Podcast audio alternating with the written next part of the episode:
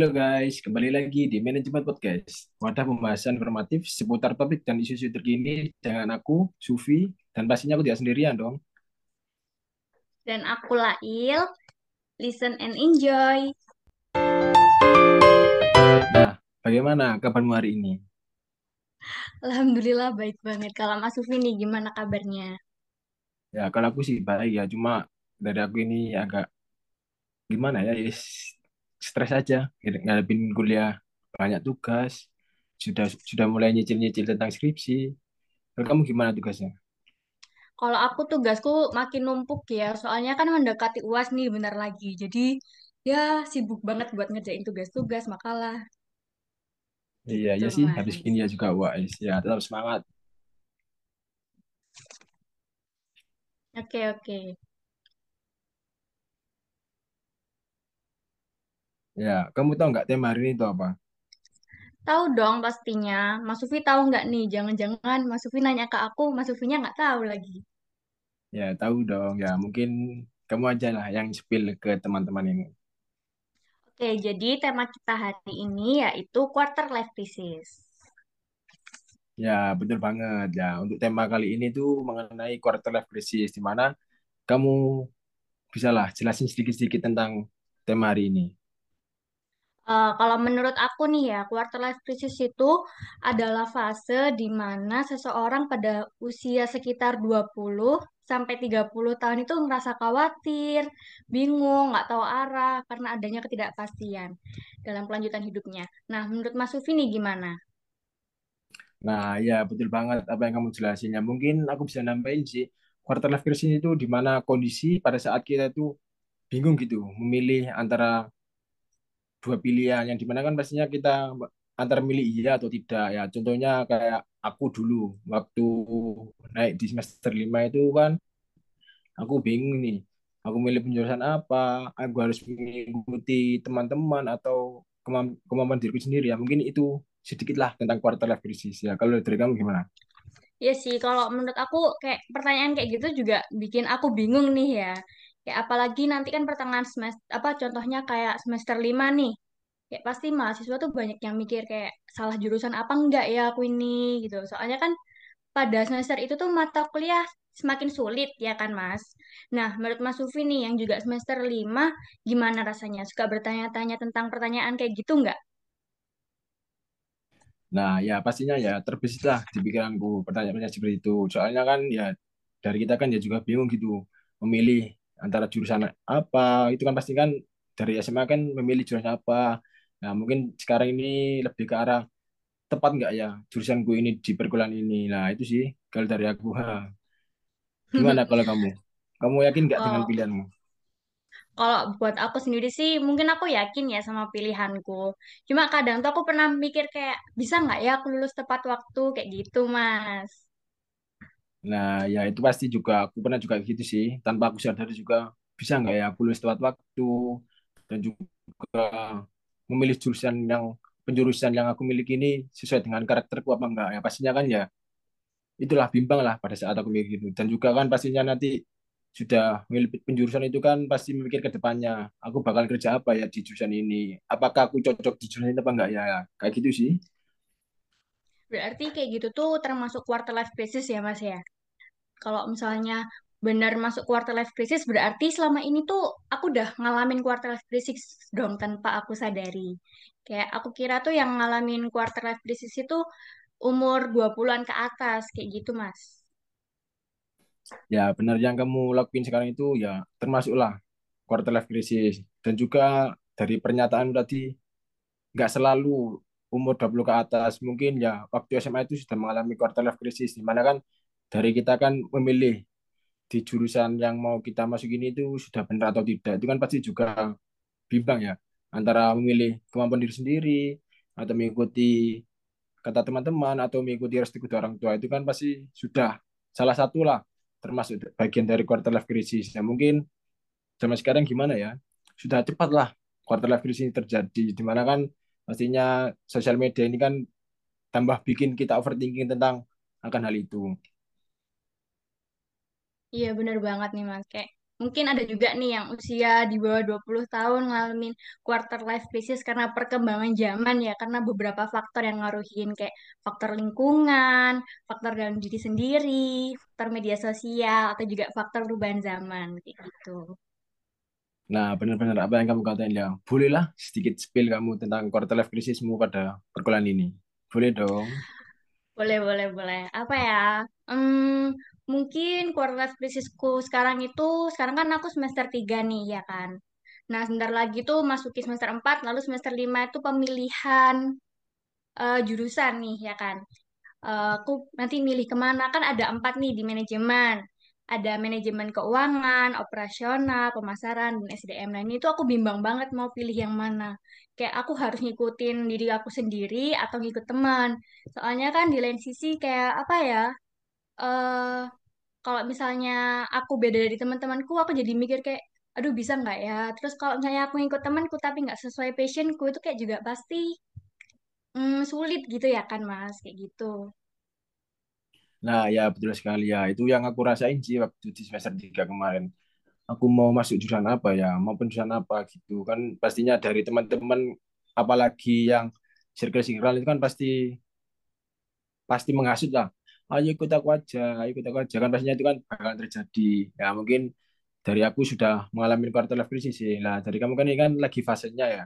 Nah, untuk ke depannya nih kamu gimana? Mengikuti kata-katamu atau mengikuti temanmu atau mengikuti restu orang tuamu gimana? Kalau dari aku kemungkinan aku bakal ngikutin diri aku sendiri ya. Terus kayak eh, mungkin juga nggak lupa buat doa, minta petunjuk, terus minta eh ke orang apa minta bantu orang tua buat kayak enaknya mengambil penjurusan apa kayak gitu, minta sarannya. Ya benar-benar ya. Aku saranin sih ya mengikuti kemauan diri sendiri sih. Di mana kan nantinya kalau ikuti ngikutin teman-teman nanti kalau teman-teman kita bisa nanti kita juga sendirian nggak ada teman itu kan pasti ya tambah bimbang dan bingung untuk ke depannya. Nah, eh tapi ini sih aku mau tanya juga. Biasanya kan orang-orang itu kan mengalami quarter life crisis ya.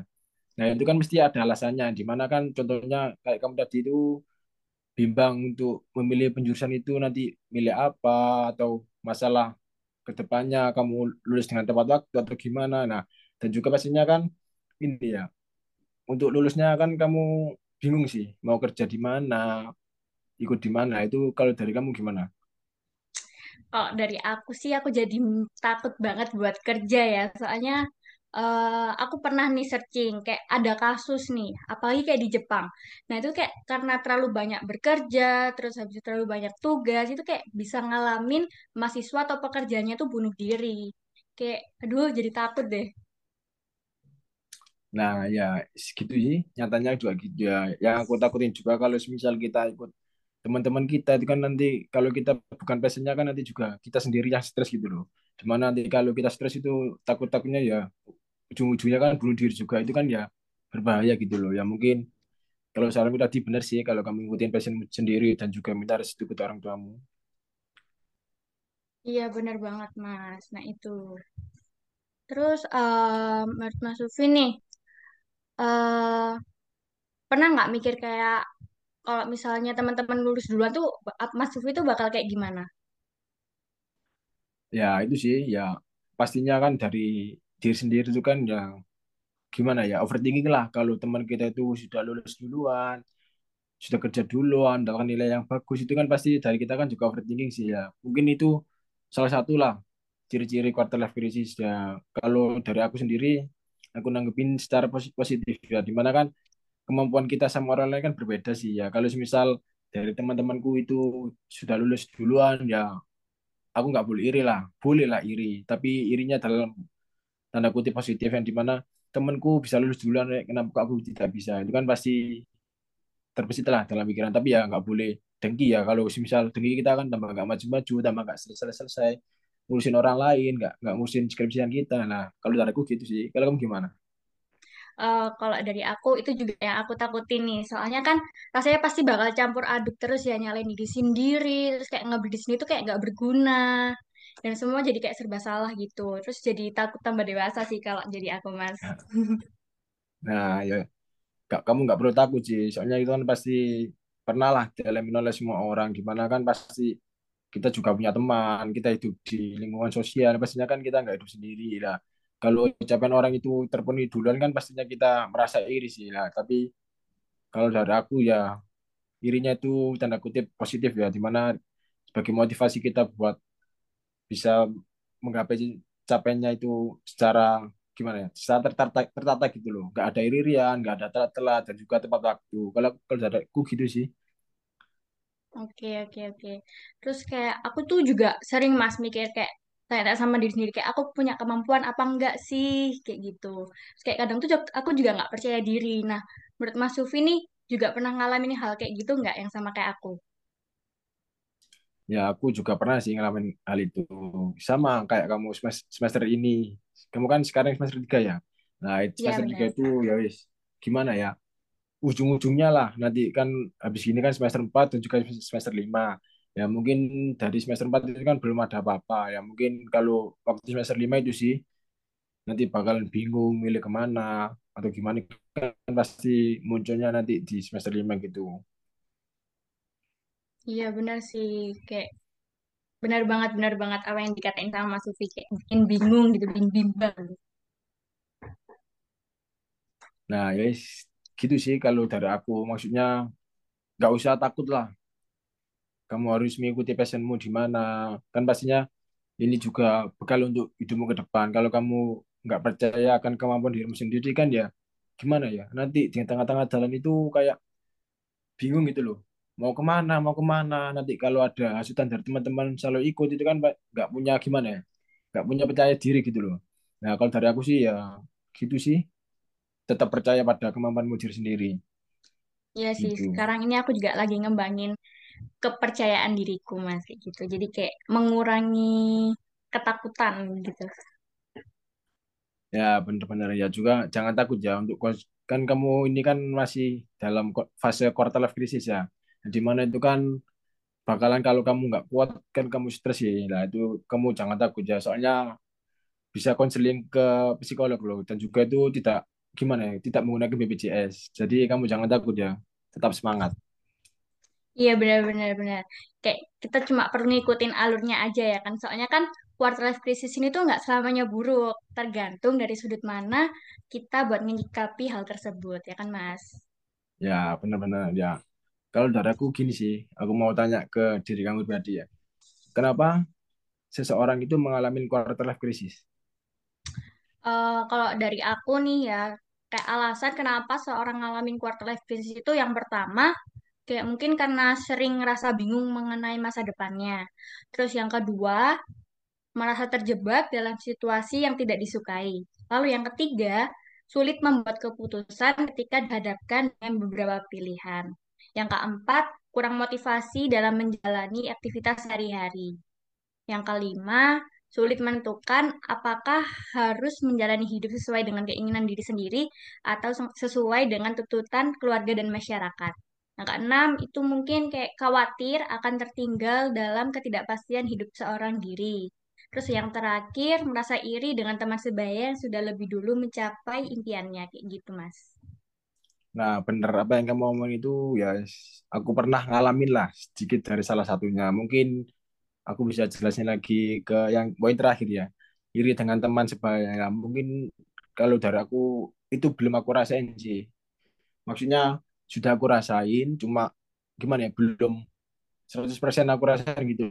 Soalnya kan di sini masih sama-sama belajar, masih sama-sama proses gitu kan. Masih belum ada yang lulus atau apa. Tapi dari aku itu ya adalah rasa iri yang di mana teman-temanku ini punya relasi yang banyak, punya relasi yang di mana-mana itu yang menjadi aku iri sih. Di mana kenapa kok teman-temanku bisa, aku sedangkan aku tidak bisa. Itu kan ya gimana ya. Kan gunanya relasi kan nanti juga di waktu lulus kan sangat berarti sih relasi itu. Kamu mau kerja di mana, kamu ikut dengan siapa, itu kan pasti relasinya kan sangat berguna. Gitu sih kalau dari aku. Iya, benar banget. Kayak kemampuan orang kan juga berbeda-beda gitu ya, Mas ya. Benar-benar. Nah, oh ya, aku mau tanya nih. Mungkin Mas Sufi bisa ngasih tips and trick gimana cara menghadapi quarter life crisis. Ya, mungkin kalau secara pengalamanku, aku jelasin sedikit-sedikit ya. Seta- Setahu pengalamanku itu yang pertama itu ini sih berhenti kamu ngebandingin dengan orang lain di mana kan pastinya nanti kalau kamu ngebandingin dengan orang orang lain itu kan muncullah rasa iri. Nah kalau sudah muncul rasa, rasa iri itu kan kamu harus bisa ngontrol lah. Irimu itu ke mana ke arah mana? Ke arah positif atau ke arah negatif?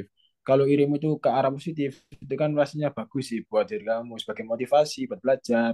Tapi kalau irinya itu ke arah negatif lah itu yang sangat gimana ya? Sangat apa ya? Sangat gimana ya? Hmm, gak enak gitu loh buat diri sendiri. Pastinya kan kalau negatif itu kan selalu merasa terbebani. Temanku itu bisa kenapa aku nggak bisa aku harus bisa harus bisa. Itu kan jadi gimana ya?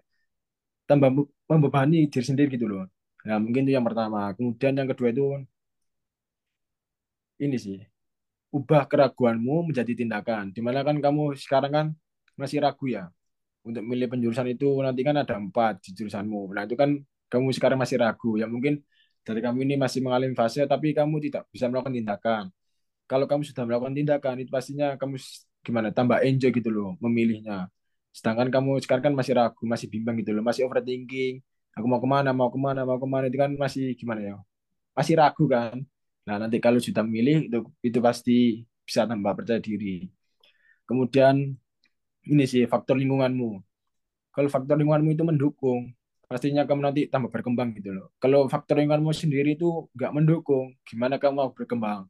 Kamu bisa sih berkembang di faktor lingkungan yang tidak mendukungmu, tapi kan itu sulit gitu loh. Tidak, tidak apa ya, tidak mulus lah kalau kata-katanya. Kalau faktor lingkunganmu itu sendiri mendukung, kamu kan pasti tetap semangat, masih. Kalau misalnya kamu down itu kan pasti ada yang nyemangatin, nah itu kan berguna banget di faktor lingkungan. Kemudian kalau yang terakhir itu ini sih, mencintai diri sendiri. Di mana kan kalau misal kamu sudah mencapai impianmu apa satu persatu sudah tercapai impianmu, kamu kan pasti self reward ke dirimu sendiri sih. Oh aku berhasil mencapai ini lah, aku harus ke mana, harus healing ke mana itu kan ya butuh juga sih. Kalau dari aku gitu sih. Hmm, iya benar-benar benar apa yang dikatain Mas Sufi kayak yang tadi juga di poin yang pertama kan berhenti membanding-bandingkan diri sendiri dengan orang lain. Kenapa kok kayak gitu? Mungkin dari aku juga kayak kemampuan tiap orang itu berbeda-beda nih. So, eh, maka dari itu kayak kita tuh nggak bisa nyama menyamaratakan kayak aku harus bisa nih kayak dia, aku harus bisa nih kayak kita itu nggak bisa soalnya kemampuan tiap orang berbeda-beda. Ya benar-benar ya itu sih yang paling utama. Boleh lah kamu ngebandingin orang dengan orang lain, tapi ya ambil sisi positifnya, sisi negatifnya dibuang aja. Ya itu sih kalau dari aku. Gimana? Kalau dari kamu? Eh, aku mau nambahin mungkin eh, yang tadi dibilang sama Mas Sufi, kalau misalnya kamu lagi ada masalah atau apa gitu, kamu bisa konseling ke psikolog atau psikiater atau bisa juga ke teman kita sendiri gitu, biar kayak meredakan stres kita gitu, biar nggak kayak kasus yang aku bilang tadi yang di Jepang kayak gitu. Ya benar-benar ya mungkin kalau lingkup kecil itu ya dari keluarga, kemudian dari teman-teman sekitar itu kan pasti sangat mendukung lah buat kita berkembang. Ya kalau dari aku cukup gitu sih. Ya mungkin dari aku juga udah cukup segitu. Ya baik. Ya untuk menutup hari ini ya semoga teman-teman yang dengerin podcast kita hari itu ber- bermanfaat ya buat ke depannya. Jadi untuk teman-teman jangan takut lah, jangan ragu juga untuk pilihan-pilihan kita ke depannya. Pastinya kan kita milih itu berdasarkan passion dari diri kita sendiri. Nah, ya bener banget. Oke, makasih ya semuanya teman-teman yang udah setia dengerin podcast kita dari awal sampai akhir. Salam dari aku Lail, Dan aku Zufi, nantikan terus episode selanjutnya dari manajemen podcast ini. Sampai jumpa, have fun. And have a nice day. Bye-bye.